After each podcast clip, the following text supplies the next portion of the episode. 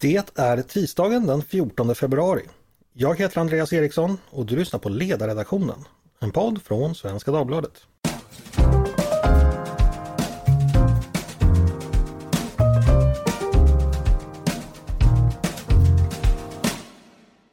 Varmt välkomna till oss så här på alla hjärtans dag.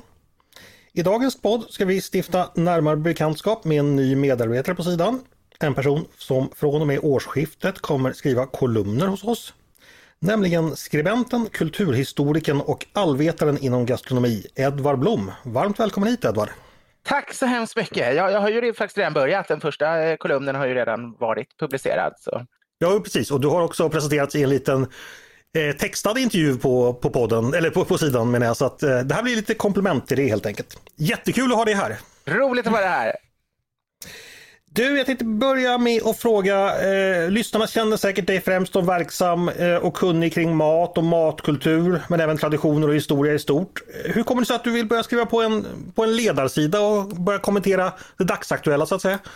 Ja, jag har ju skrivit mycket krönikor genom mina eh, dagar och inte bara då, det började egentligen med näringslivshistoriska krönikor i, i, i Dagens Handel och, och Svensk Handels tidning då och, och i, i Entreprenör, alltså eh, Svensk Näringslivs tidning och, och, naturligtvis i företagsminnen och så. Så det var historiskt men, men det var, och det har varit mat i många tidningar också, i specialtidningar för mat. Men det har också varit mycket lite bredare med olika typer av, av, frågor. Och sen var jag krönikör faktiskt i Fokus några år och, och, då var det ju verkligen alla möjliga frågor. Så det, jag har ju åsikter om saker och, och jag var ju politiskt intresserad nästan lika tidigt som jag var matintresserad. Det, det var ju redan i, jag gick faktiskt med i ett eh, politiskt ungdomsförbund redan i tredje klass, alltså i tre, när jag var, var, var jag, nio år eller något sånt där. Så, det, eh, så, så, jag har ju alltid hängt med, jag har ju läst Svenska Dagbladet hela mitt liv naturligtvis, men jag har ju, har ju varit politiskt engagerad, all, aldrig i ett parti på det viset mer än lite, lite grann i ungdomsförbundet sådär men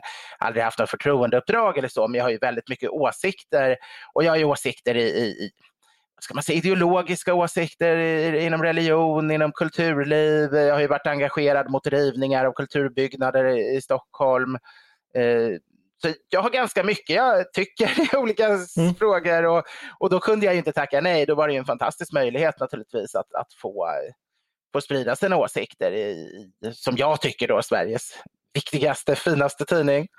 Det tycker jag också. Jag måste bara fråga, när du var nio år, får man gå med i ungdomsförbund när man är så liten? Accepterar de dig som medlem eller hur, hur var det? Ja, på den tiden var, var det inga konstigheter, eh, utan, utan det gick bra.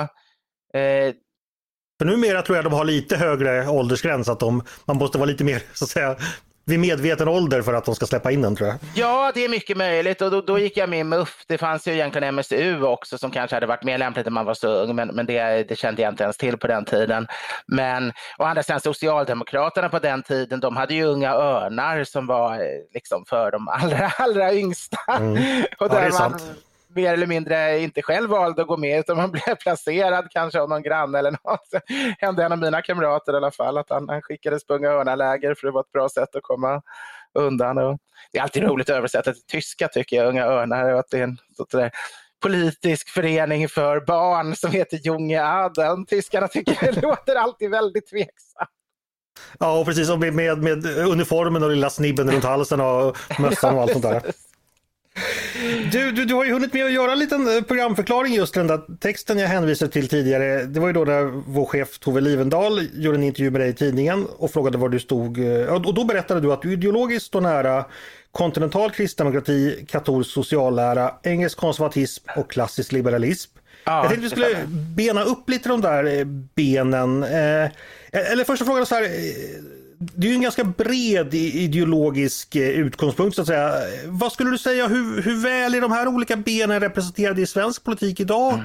Tycker du mer eller mindre antar jag, utan, men, men, men hur tänker du där? Ja sådär, alltså den, den KD försökte ju ett tag att, eh, jag menar först hade de ju sin frikyrkobakgrund och sen tog de väl ett steg och försökte intressera sig för den kontinentala kristdemokratin. Och det mm. finns väl vissa drag, men inte jättestarkt ändå. Men det är klart, det finns det hos vissa personer, absolut. Eh, Skyttedal till exempel har klara intryck från, från en hel del kontinental kristdemokrati och så. Så det, det, finns ju, men det kanske inte är det, det huvudspåret ändå riktigt i den svenska kristdemokratin. Eh, Moderaterna under Gösta Bohman hade ju, tycker jag, en del brittisk konservatism. Han, han lyckades ju få samman ändå liberala och konservativa värderingar och, och, och och, den brittiska konservatismen har ju alltid varit extremt liberal, alltså i bemärkelsen den, den individens frihet, eh, men även familjers frihet, föreningars frihet, bevaran. Alltså det, det, det, har ju varit väldigt starkt. Mycket det konservativa bevarandet har just varit att bevara friheter i den brittiska mm. konservatismen. De har ju frihetliga traditioner att bevara så att säga. där. Ja, precis. Och eh, så, så, där tycker jag, och där, där, finns det väl små spår kvar inom Moderaterna kanske, men, men det är ju inte riktigt lika starkt eh, så, så, som då, då, under Bomans tid. Och, och, eh, den katolska socialläran kanske inte fått någon jätteintryck. Jag vet ju att Palme hade sju band eller vad det var ovanför på sitt skrivbord på mycket vet jag, av om det var biskopen eh, eller förra biskopen eller om det var någon av prästerna berättade när de hade besökt honom på hans arbetsrum att den stod i alla fall där inom handryckningsavstånd. Så han, han, men han stödde den väl inte, men han tyckte det var intressant att känna till den. Alltså den, den har väl ändå alltså, intresserat folk i alla egentligen olika grenar. Men sen, sen vet jag inte hur mycket den kan påverka svensk politik. Life is made up of many gorgeous moments. Cherish them all, big and small, with Blue Nile. Whether it's for yourself or a loved one, Blue Nile's unrivaled selection of expertly crafted fine jewelry and statement pieces help make all your moments sparkle. Blue Nile's experts are on hand to guide you, and their diamond guarantee ensures you get the highest quality at the best price. Celebrate a life well lived in the most radiant way and save up to 30% at BlueNile.com. That's BlueNile.com. Men Edvard, kan du bara förklara vad, vad katolsk sociallära är? Jag tror inte alla vet om det faktiskt. Alltså bara Nej, en kort, kort bakgrund. Det är alltså katolska kyrkans råd om hur man ska förhålla sig till politiken. Och, och Katolska kyrkan lägger sig aldrig i vilket parti man ska stödja. Det har hänt att enskilda präster har gjort det eller under Francos tid eller sådär, men det blir alltid miserabelt när så sker. Eh, och den säger ju inte katolska kyrkan om man ska vara höger eller vänster eller vilken konservativitet eller vilken, vilken ideologi man ska ha. Men, men däremot har, har man en del grundprinciper om hur en kristen bör tänka. Till exempel att man, man kan inte gå på en ren, eh, en sorts eh, liberalism där, där det inte bara handlar om, om frihet vad det gäller individens frihet vad det gäller lagstiftning utan att man så att säga eh, Eh, att tycka att egoism är någonting positivt, så, så, som man kan säga till hos Anne Ryan eller sådär, eh, det är inte riktigt tillåtet som, som, som en katolik. Utan man, man måste vilja hjälpa andra, man måste vilja se till gemensammas bästa. Men samtidigt står individens frihet också inskriven i det här. Så en, en ren klassisk kommunism och kollektivism är, är inte heller riktigt möjligt för, för, för en katolik. Och sen subsidiaritetsprincipen kommer ju härifrån. Den har ju EU tagit ifrån från den katolska socialläran, så det är också en av de här fyra, fyra grundprinciperna. Så det handlar helt enkelt om att försöka se hur, hur, hur, vad skulle Jesus ha gjort i politiken idag? Så egentligen handlar det bara om det.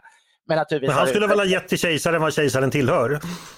Ja, det säger han ju. Det är en av sakerna han säger, precis. Men, men eh, riktigt så enkelt är det ändå inte att eh, man inte får protestera mot eh, överdrivna skatter. För det, det tror jag ändå eh, eh, att man absolut får göra. Men, men, eh, men att det handlar mycket om... Eh, jag, man kan säga min bakgrund är ju, jag har ju då den här, jag, jag har ju alltid varit väldigt mycket på, eh, vad ska man säga, de rikas sida. Redan, redan när jag var liten, jag tyckte alltid att de, de, de eh, stora företagarna och industrialismen och så har alltid sett vilken enorm nytta de har varit och vilken, vilken glädje de har varit för andra och kanske inte sett att de är personer som roffar åt sig utan snarare sådana som, som, som faktiskt skapar värde och, och, att det är de som på många sätt har byggt landet och skapat det vi andra haft nytta av. Eh, på gamla SAFs tid, om de hade varit ett parti hade jag nog kunnat rösta på dem när jag var ung. Men, men, men samtidigt så, så ur det sociallärans sida kan, kan, man ju inte liksom släppa att det finns ju rovkapitalister också. Och, och, och, det finns alla inte liksom som skänker bort massvis som Bill Gates eller Soros, utan det finns ju sådana som faktiskt bara eh, vräker i sig sitt kapital och, och lurar. Och, och, eh, påven var ju ute nu eh, och gick ut för, för några dagar sedan just om, om problemet med företag som, som inte beter sig etiskt i Afrika utan tar deras eh, naturresurser på ett sätt som, som, är till, till, till, som inte är till gagn för folket. Utan det är ju Kina mycket, men det är också naturligtvis en del västerländska eh, multinationella bolag som in, inte beter sig på, på ett etiskt vis eh, som är till nytta för folket där, utan de mutar enstaka grupper och enstaka personer och, och, och, och ta tar det mesta av vinsten själva. Och det är ju inte möjligt för är man kristen så, så måste ju den, den aspekten in. Så jag, jag ser ju mycket till, ja, eh, man ska inte vara avundsjuk på andra. Man ska inte liksom ha den här mobiliserade renitensen som, som Tage Lindblom brukade tala om att socialismen gör, att hela tiden hitta nya grupper man ska vara avundsjuk på. Avundsjuka är ju också en, en, någonting som går emot det kristna och det, naturligtvis det bor, borgerliga politiska. Men, men samtidigt så med den katolska socialläran i botten måste man ändå se att målet är att det ska vara gott och bra för alla. Sen betyder inte det att man får ta andras pengar liksom och ha jättehöga skatter för det, utan helst ska det ju ske på, på ett frivilligt vis, att man, man delar med sig och att man gör det som är bäst för de anställda, att man är en god arbetsgivare, att man är en god kapitalist helt enkelt, om man nu arbetar med sånt. Men får jag fråga, Edvard, leder det här fram till någon sorts eh, lite, ja nu kanske jag använder ord som är konstiga, men alltså en folkpartistisk socialliberal Rawls-lösning där vi liksom så att säga visserligen tror på frihet men samtidigt är medvetna om att andra kan ha det svårt ibland och att vi måste hjälpa dem. Att, ja, någon sorts, den mittenlinje som väl mycket av svensk politik ofta landar kring. Är det någonstans där man hamnar om man översätter det till liksom svensk politisk kontext idag? Eller vad tänker du om det? Jag, ja, jag landar inte där, men, men eh, det är inte riktigt så enkelt att, att, eh, att katolska socialläran går att läsa och därifrån vet man vilket parti man ska rösta på. Utan en, en del landar till vänster och en del till höger. Det, det är upp till ändå individen att utifrån det här, för sen handlar det om vad tror man gör världen bra? Och det, mm. metoderna, det, det säger inte kyrkan någonting om, utan, utan där, där måste man ju se vilken politisk ideologi man tror. Okej. Och så var det då klassisk liberalism som var det så att säga, fjärde benet du nämnde. Vad tänker du om det? Vad hittar vi det idag i den svenska vardagliga politiken? Ja, det fanns ju ett tag, eh, såg det ju rätt lovande ut, men, men idag vet jag inte om det finns så mycket kvar. Det har, det har ju, liberalismen har ju eh, åkt tyvärr eh, eh, åkt på en litet mothugg sista åren får man, får man väl säga. Eh, men jag, alltså jag uppskattar ju mycket till exempel Johan Norbergs eh, texter, ty tycker jag det finns väldigt mycket förnuftigt i och, och jag uppskattade ju Neo som du, du har ett förflutet i också och, och eh, eh, det finns ju många, jag menar Svenska Dagbladets ledarsida är väl ett ställe där det fortfarande lever kvar en hel del men, men i, i partierna känns det inte så, som den klassiska liberalismen är, står jättestark idag. Det, det, det, kan man väl inte riktigt säga även om den, jag ska inte säga att den är helt borta men, men och eh, jag brinner ju väldigt starkt för, för frågor om, om den individens frihet. Det, det är ju, jag, jag, har ju varit väldigt engagerad i alkoholfrågor som man kan tycka är en fånig liten sak men som inte är fånigt för det betyder mycket för människor. Och, och men även naturligtvis religionsfrihet och sådana frågor är naturligtvis viktigt för mig också om, om man tar mer frihet i ett eh, plan som andra kanske tycker är viktigare. Och eh, eh skattefrågan, ja, jag tycker det är uppåt väggarna att, att man har så lite fri, alltså att det man skapar själv, att man får behålla så lite och själv välja. Politikerna lägger naturligtvis, de är inte elaka i första hand utan de lägger naturligtvis de här pengarna de har tagit in på saker som på ett eller annat sätt är bra, som de tycker är bra. Men det skulle ju vi medborgare göra om vi fick behålla dem också. Vi skulle också lägga dem på saker som vi tycker är bra. De allra flesta av oss skulle inte bara Eh, roffa åt oss dem, utan skulle se vad, vad tycker vi att, att det är vettigt att låta de här pengarna verka som. I välgörenhet eller i att eh, driva saker, att bygga upp företag eller vad det nu är. Och, och, och där tycker jag vi ligger väldigt för, alltså jag, jag skulle väl vilja ha en skattesats som gick ner till hälften åtminstone för att jag skulle tycka det kändes behagligt. Mm. Precis, där har vi i vårt konsensus hamnat på ett både historiskt och internationellt väldigt hög nivå och det utmanas ju faktiskt inte riktigt från något håll politiskt idag, i alla fall inte inom partierna. Jag tänkte det du sa om alkoholen, det här med att eh, vissa tycker det är en fånig fråga. Så är det ju, det är en fråga som ibland förlöjligas och så. Och där tycker jag ju Mattias Svensson som du känner till väldigt väl, mm. han har ju ofta i podden och även i text pläderat för att det där är eh, lite farligt att tänka så för att det är en viktig fråga för många människor. Och eh, ja, även om, om det så skulle vara att det kanske är inte den största frågan för att hur kan man engagera sig mot Systembolaget där det råder förtryck på Kuba så är det ju ändå en fråga som ändå är en frihetsinskränkning. Eh, ja, ja, vad tänker du om det? Det här med att, att våga ta fighten även mot de, de så kallat små frihetsinskränkningarna. Jag antar att du delar Mattias syn där också? Jag delar Mattias syn väldigt mycket där. Jag, jag tycker han har uttryckt det så oerhört bra just det där att, att det som för en politiker upplevs som, som oviktiga frågor är oftast just de små glädjeämnena som för en vanlig människa faktiskt kan vara det viktigaste i livet. Det är ofta Eh, och det är de saker man historiskt har förbjudit. På, 1700-talet kunde det vara förbjudet att gå klädd i siden om man inte tillhörde rätt eh, samhällsklass för det. Man fick inte ens ha, ha likkistorna alltför praktfulla om man inte ville det när man väl skulle begravas. Och kaffeförbud och punschförbud. Och, och idag har vi haft dansförbud och det är alkoholregleringarna och det, det finns oerhört mycket som eh, och hela de här hårda då lyxbeskattningarna på, på allting som, som vanligt folk faktiskt tycker är det som, vad lever vi för? Det, det är ju inte så att staten eh, vi har ju inte en teokrati där staten har sagt att det här är meningen med livet, men ändå beter sig politikerna på ett sätt som om de vet vad som är viktigt i livet och vad som inte är viktigt. Och till exempel att, att få, få dricka ett gott rödvin, det anses inte viktigt ur politikernas synpunkt. Men, men för mig kanske det hör, jag ska inte säga att det är det allra viktigaste, men, men det hör till det som gör mig lycklig. Och, och särskilt de som inte är troende som jag, eh, då är det väl att bli lycklig som ändå kanske är det viktigaste för många. Jag, jag har kanske ideal som är att, att, att hjälpa andra och sånt kanske ännu viktigare. Men, men min egen glädje är ju inte oväsentlig att faktiskt få, få känna lycka och glädje med sina vänner. Och, och då hör många sådana saker faktiskt till som, som regleras idag. Mm, men så är det, jag måste säga jag håller med.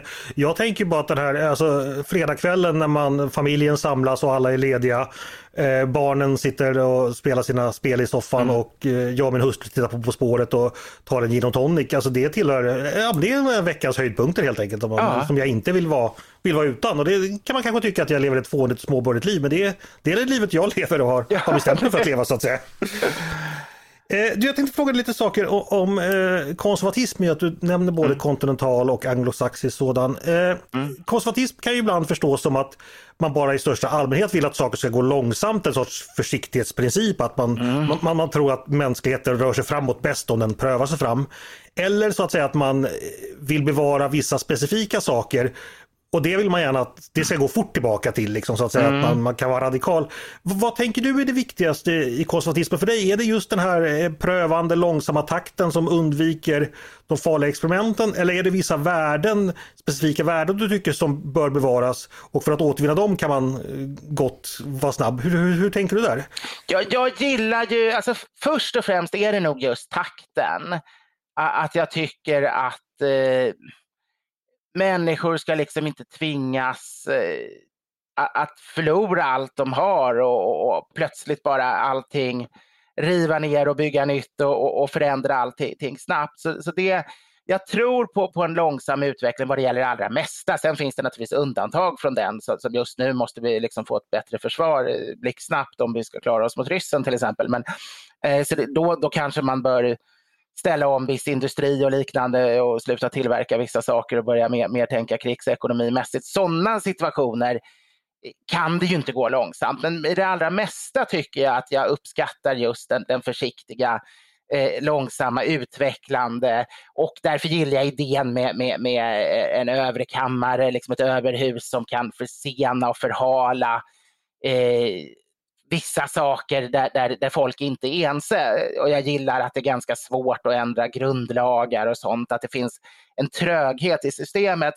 Men, men sen finns det naturligtvis ma massa ideal och värderingar som jag tycker är, är eviga och sanna och, och de skulle jag ju gärna bevara ännu lite starkare. Jag vet inte om jag skulle vilja gå så långt som, som att man har en, en, en oföränderlig konstitution som i USA. Det kanske är väl extremt, men att det ändå finns eh, vissa saker man, man som, som, man kan enas om att det är så värdefulla att, att man skyddar extra. Och själv eh, själv uppskattar jag ju dessutom inte alls allt under 1800-talet. Det var ju en väldig brist på religionsfrihet till exempel. Så, som katoliker fick ju inte sitta i regeringen och, eller bli läkare eller lärare eller någonting fortfarande liksom eh, långt fram, alltså på, på 1900-talet. men, men, men, eh, eh, men däremot uppskattar jag ju, jag uppskattar ju konsten, jag uppskattar arkitekturen. Eh, det finns väldigt mycket uppskattade traditioner och seder och det är klart en, en tradition eh, kanske inte alltid är så viktigt eh, att det just råkar vara liksom grädde, mandelmassa och, och vetebröd i våra semlor. Eh, att det är just så vi firar eh, liksom karnevalen, fettisdagen och festlagen. Eller att det just råkar vara eh, glögg vi dricker till, till, till jul. Men, men, men där ligger ju mycket i att man har en lång historia och man har gjort på vissa saker. Man har ätit viss mat i 2000 år och, och att den sen kan återspeglas i julbordets alla delar, att man har behållit eh, det tycker jag har ett enormt värde, att man så att säga lever sin historia, att man har ett kulturarv, att man har en tradition bakåt. Och, och eh, så det är egentligen mer den första sidan, för egentligen spelar det ingen roll om, om man hade haft Eh, Eh, potatis eller rågbröd eller nu har vi både och. Men, men liksom på, utan det är mycket det att man, man inte kastar bort sitt förflutna utan tycker det är viktigt med vad som har hänt tidigare och håller det levande. Um, inte bara kommer ihåg det utan lite så, som judarna är så bra på att man så att säga le, lever traditionerna. Mm. Du, eh, du nämnde ju både KD och Moderaterna tidigare. Mm. Det finns ytterligare partier som kallar sig konservativa. Jag vet förresten inte om KD kallar sig konservativa rakt ut. De kallas som kristdemokrater. Men, men Sverigedemokraterna kallar ju sig också konservativa. Hur tycker mm. du den konservatismen som kommer till uttryck där? Hur, var, var placerar du den någonstans? I den mån det alls är konservatism? Jag blev väldigt förvånad när, när, när de för, för några år sedan började kalla sig eh, socialkonservativa, eller vad sa de, kulturkonservativa det är, det är ett begrepp som jag har hört många, som, även inom Folkpartiet och så, som talar om kulturkonservativ och mer handlar om att de då personligen eh, föredrar opera och att gå klädd i frack och gå på ordenssällskap och sånt fast de är ganska socialliberala politiskt. Så, så det här med, med att, att SD skulle vara kulturkonservativt, det, det, det tyckte jag var en märklig benämning och jag tycker väl inte de är konservativa på mitt sätt att bedöma det.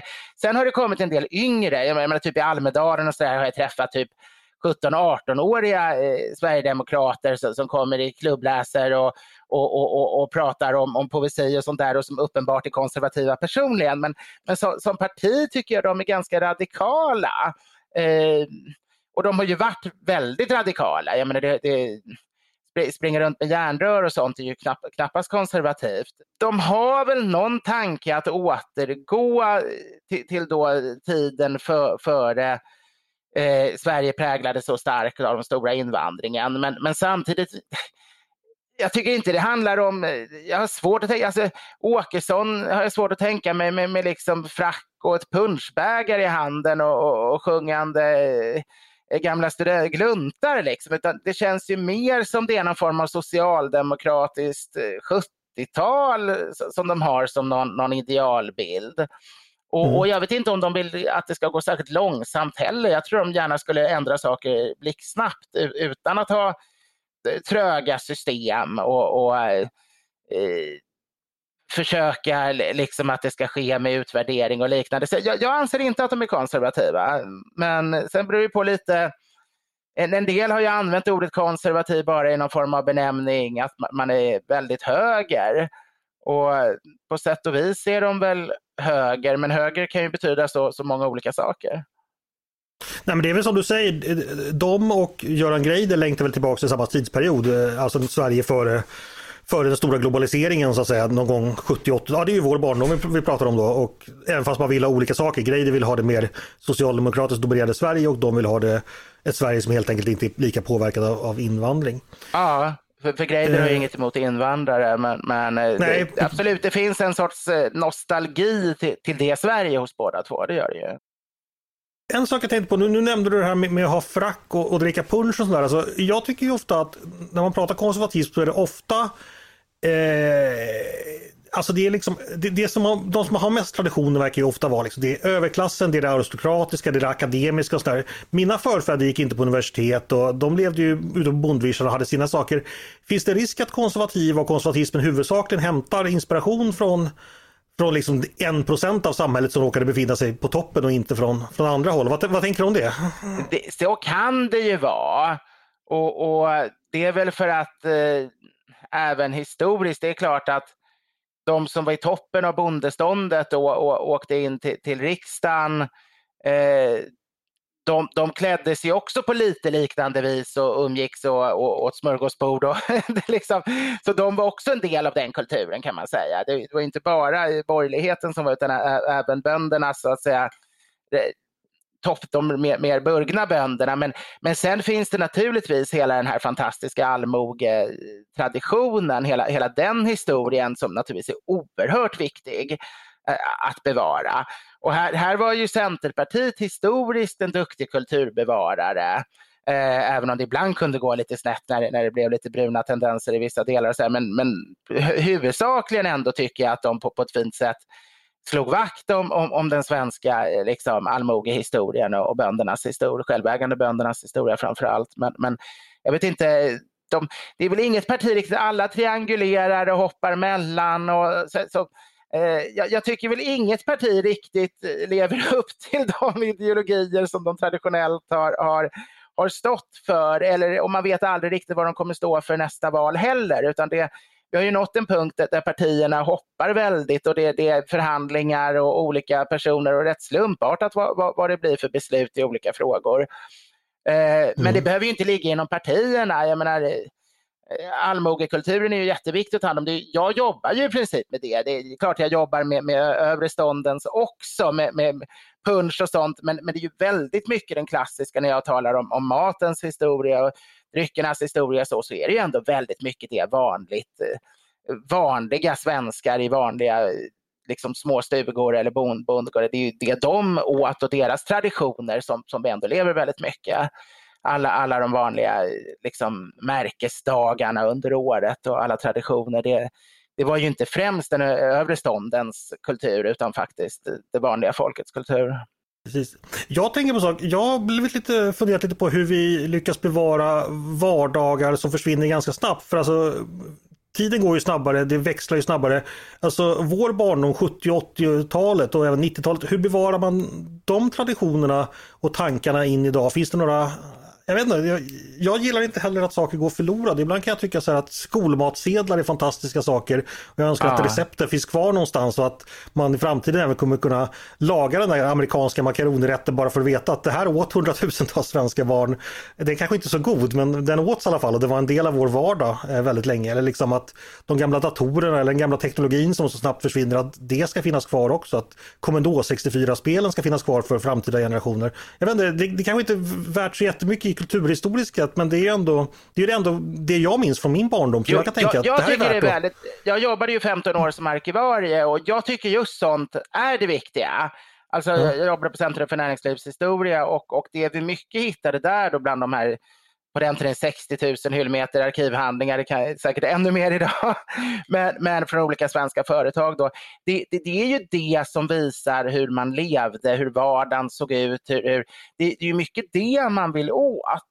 Så det, det, är ju handlingar som tyvärr, eh, man kan säga i, i Riksarkivets författningssamling och sånt när det gäller den statliga delen och offentliga delen, då, då är det ju väldigt inriktat på juridiska. Man sparar det som visar på beslut, på, på hur beslut togs fram, på, på, på, på liksom det viktigaste i den bemärkelsen. Med, Medan vi är väldigt roade av det som mer blir etnologiskt, vad sånghäftena på företagens eh, fester, hur de ändrades från liksom på 30-talet var, var de tryckta och det var sådana här företagsmarscher som spelades och, och sen kommer det lite mer lättsamt på 50-talet för att på 60-talet börja göras med fotostatkopior och det oanständiga bilder och skabrösa dryckesvisor och liksom eh, hela den, det visar naturligtvis eh, på en enorm förändring i samhället.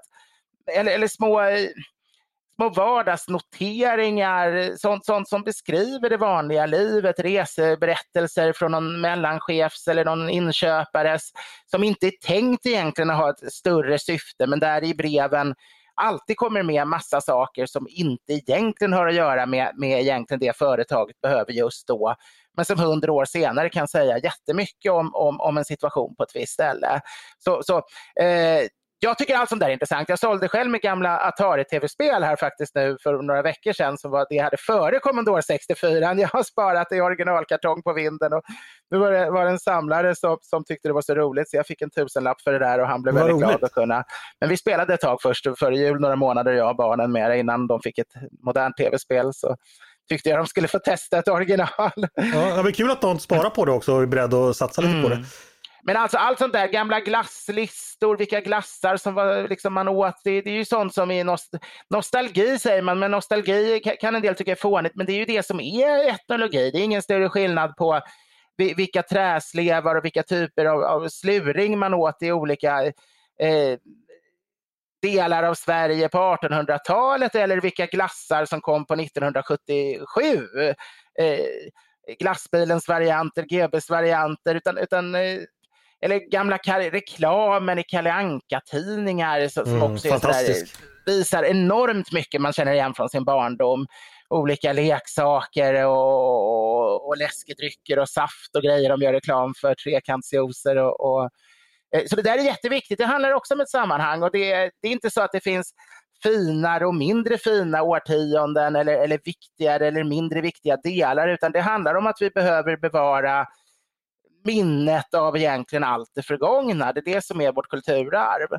Och det är klart att en, stor eh, katedral ju, har ju fler värden. Det har konstnärliga och religiösa värden också mot, mot en Kalle Anka-tidning eller så. Men, men, samtidigt vad det gäller att förstå, förstå vårt eget eh, arv så, så är alla egentligen jämvärdigt viktiga. Det är det absolut. Eh, jag ska bara passa på att tipsa lyssnarna, ni som känner er lika engagerade i de här frågorna som jag och Edvard.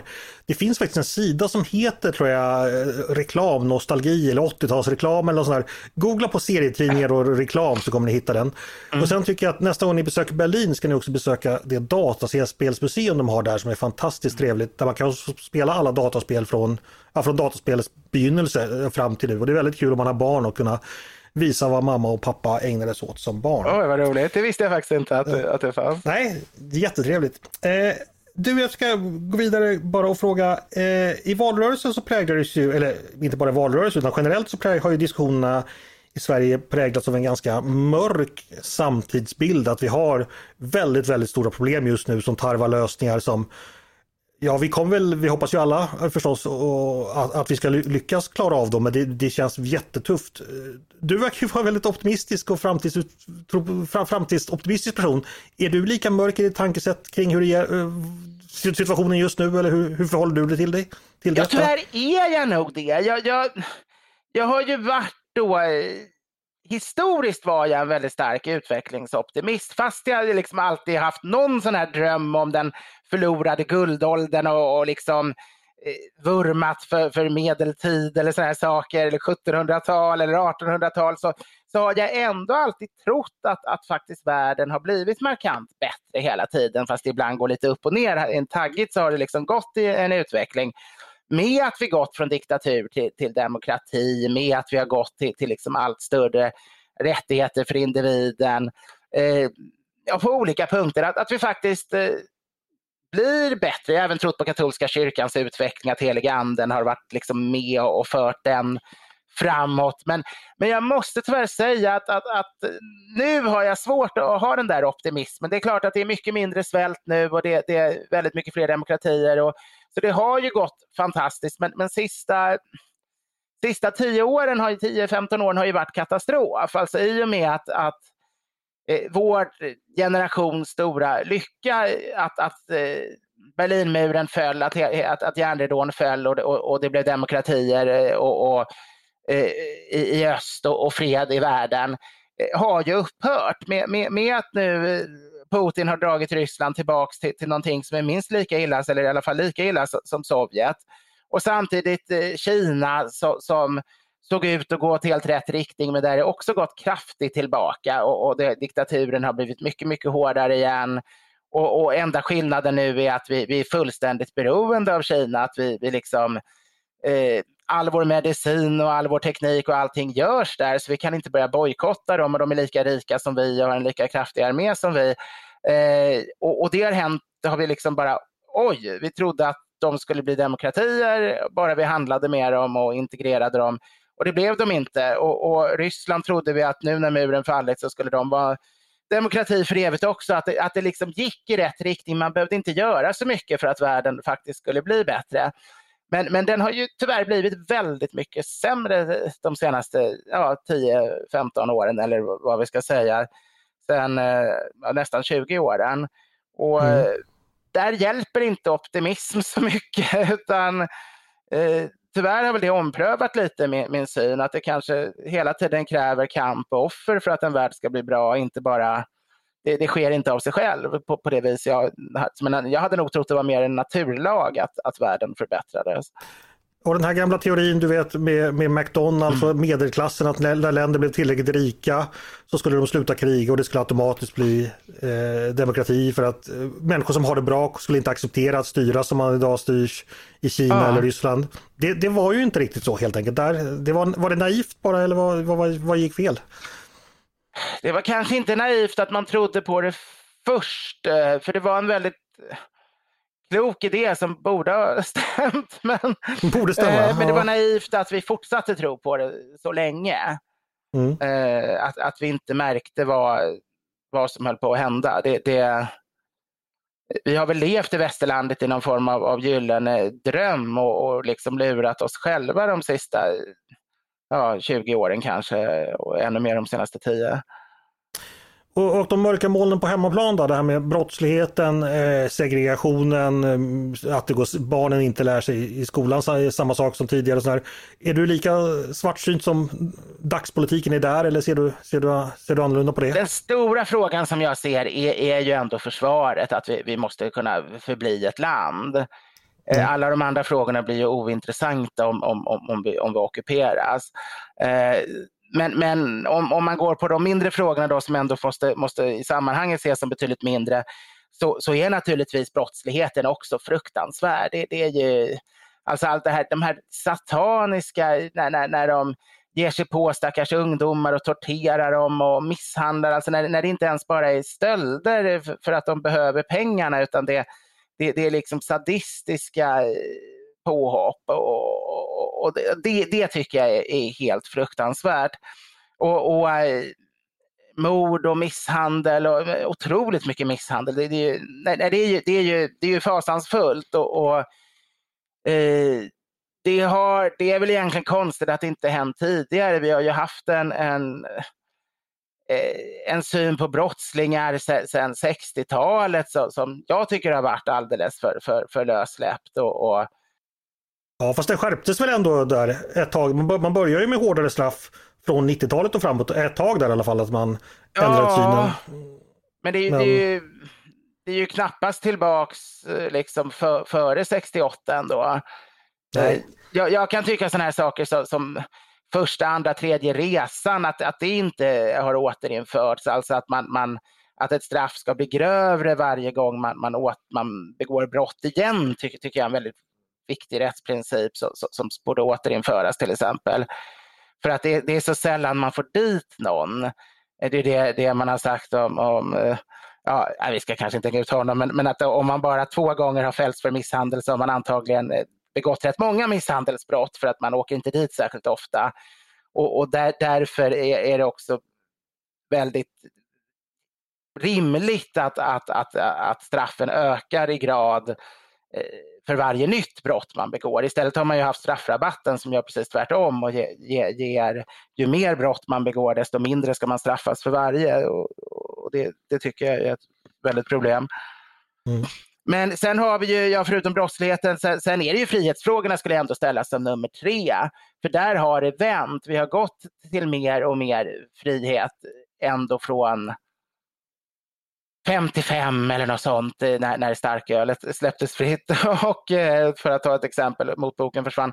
Men i de flesta frågor mer, mer frihet sedan 55. Men, men nu upplever jag som att det har vänt, eller nu, men kanske snarare för en, för en fem, sex år sedan, att, att det har vänt eh, och den nuvarande regeringen har ju för sig gjort sina försök. Vi har ju, åtminstone det förhatliga dansförbudet har ju försvunnit, så det, det finns ju vissa tendenser kanske att man återigen försöker vrida skutan. Men de har ju inte så mycket. Alltså problemet är att nu har vi ju en regering som, som är beroende av Sverigedemokraterna som kan förhandla allting och dessutom har usla opinionssiffror så de därmed så, ser en sorts lama redan från start eftersom det finns väldigt lite förhoppning att de ska kunna vinna nästa val och där, därför är det ju svårt för dem naturligtvis, men de lyckas väl vända tillbaks lite grann i frihetlig riktning. Men, men eh, man kan säga att innan hade vi ändå rätt många årtionden när även vänsterregeringar lättade upp och, och avreglerade.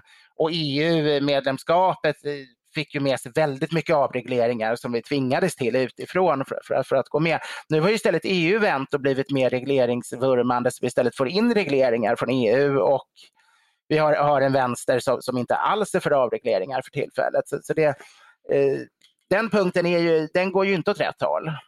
Nej. Det låter ju inte som du saknar ämnen att skriva om här framöver. eh, jag tänkte vi ska snart ta avrunda. Jag tänkte bara fråga, eh, du ska inte behöva avslöja framtida kolumner, men är det redan några saker du har bestämt dig för att det här ska jag ta upp på sidan eller brukar det, kommer det mer improviserat?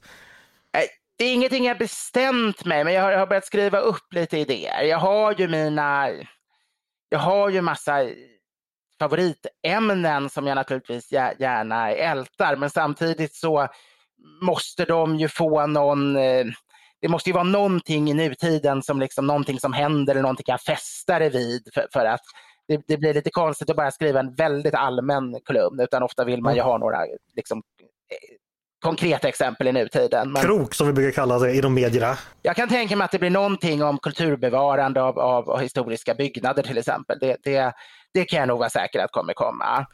Mm. Sen eh, jag har vissa tankar inom juridiken som kunde vara intressant att bolla. Inte för att jag alls är kunnig, men kanske just därför. För ibland kan det vara lite intressant att tänka sig vad, vad skulle hända om man gjorde helt annorlunda inom vissa juridiska aspekter eller liknande. Det, jag är lite fascinerad över den här tanken att att, att eh, man faktiskt skulle kunna ändra hela rättssystemet bara med två grundlagsändringar, till avskaffa advokaten eller något. Inte för att jag säger att man ska göra det, men det är lite charmigt att, att det faktiskt går.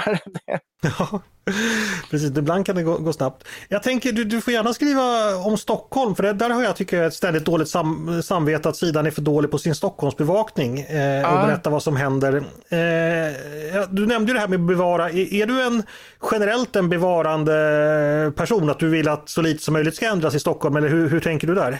Jag brinner oerhört för bevarande av historiska byggnader. Eh, jag är Sen är det klart, man kan inte bevara allt, men om man ser procentuellt har vi så oerhört lite byggnader som är, är före funktionalismen. Alltså man, man kan säga före 30-talet har vi ju en de utgör en sån försvinnande liten del om man ser till hela Storstockholms eller Stockholms läns byggnader. Så där tycker jag att man kan ha samma princip som man har när det gäller arkivhandlingar. Man slänger inga medeltida handlingar. Ofta sätter man ett årtal. Man kanske inte ens slänger, de flesta arkiv kanske man sätter en gräns, ingenting före 1800 gallras oavsett vad det innehåller för man har sån brist på handlingar från den tiden att även det minsta lilla kvittot är, är, är väldigt viktigt. Mm. Och, och, det kan jag väl känna, ett totalförbud mot rivningar eh, för någonting som är äldre än, än, än, än, än 1930 eller 1935 eller något, 30 kanske räcker, men eh, tycker jag vore väldigt viktigt. Men, men eh, sen, sen, är det klart att det är även viktigt att spara de mest intressanta byggnaderna av senare tid och bevara den känslan. Har man en 50-tals stadsdel så, så är det ju väldigt tragiskt om, om den försvinner helt också. Eh, intressant. Och sen handlar det om detaljer som det här med alla, alla skyltfönstren i Gamla stan. Man har huggt bort totalt eh, all, alla fasader och det är bara stor, stora blaffiga skyltfönster. Det, Eh, Buttricks hade ett jättevackert skyltfönster med fin, fina den här mässings eh, mönster, det var olika små bilder och grejer ut med. Det, det försvann för en, ja, det är 20 år sedan nu, plötsligt på en dag var det bortplockat för de skulle kunna lite större fönster. Jag vet inte vad det där försvann, om det slängdes eller hamnade i Stadsmuseet.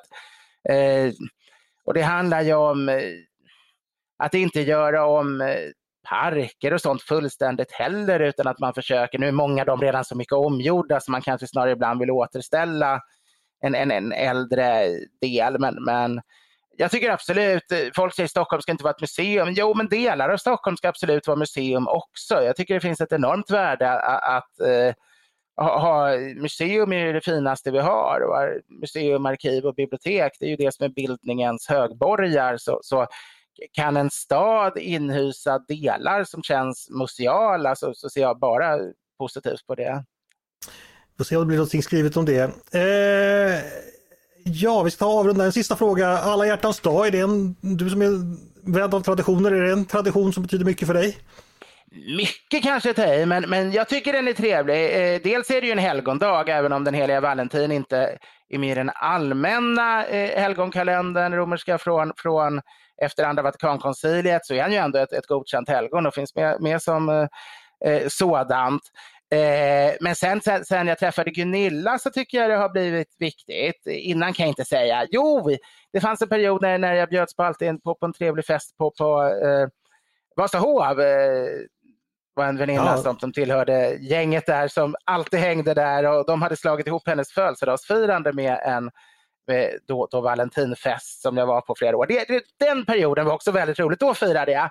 Sen kan jag säga att i övrigt har jag väl kanske inte firat det privat innan jag träffade Gunilla. Men eftersom Gunilla bodde i New York när vi träffades så var det ju väldigt naturligt. Då kom man ju in i den här amerikanska. Så det gör att vi, vi har, har firat. Vi var ute och åt en lunch idag, delade en flaska Riesling på, på ett litet eh, café här som finns i närheten där vi bor och eh, köpte rosor till henne. Jag fick en underbar ostform, en hjärtformad cheddarost till, till frukost med, där det stod älskling på. Jag äter ju inte sötsaker utan ost är min sak. Eh, så, så det, det, det, har firats på ett lagom trevligt sätt. Men, men mm. hade vi inte haft barn då brukade vi gå ut på restaurang på kvällen och, och lite sådär också. Men det, det kommer vi inte hinna i år. Vad fint, jag tror jag såg den där osten faktiskt, cheddarosten på ICA Maxi igår när jag var och handlade. Det ja. salufålles där. Ja, eh, själv ska Kommersialism då... kan funka bra också, det, det är roligt, ja, det är kreativt. Ja, och jag, det är hög tid för mig att gå och handla nu till den lilla supén jag tänkte jag och min hustru och ja, även barnen då, även fast inte de får exakt samma mat, men de ska också få vara med ja. och äta ikväll. För att de ingår ju också i kärleksfirandet. Stort tack Edvard Blom för att du ville komma till podden och berätta lite om vad du tycker om politiken och vad du tänker eh, skriva om framledes. Tack så mycket! Tack så hemskt mycket! Och stort tack eh, till dig som har lyssnat också på Ledarredaktionen. En podd från Svenska Dagbladet. Ni är varmt välkomna att höra av er till redaktionen med tankar och synpunkter på det vi precis har diskuterat eller om det är så att ni har idéer och förslag på det vi ska ta upp i framtiden. Det är bara att mejla till ledarsidan snabla svd.se. Dagens producent, han heter Jesper Sandström.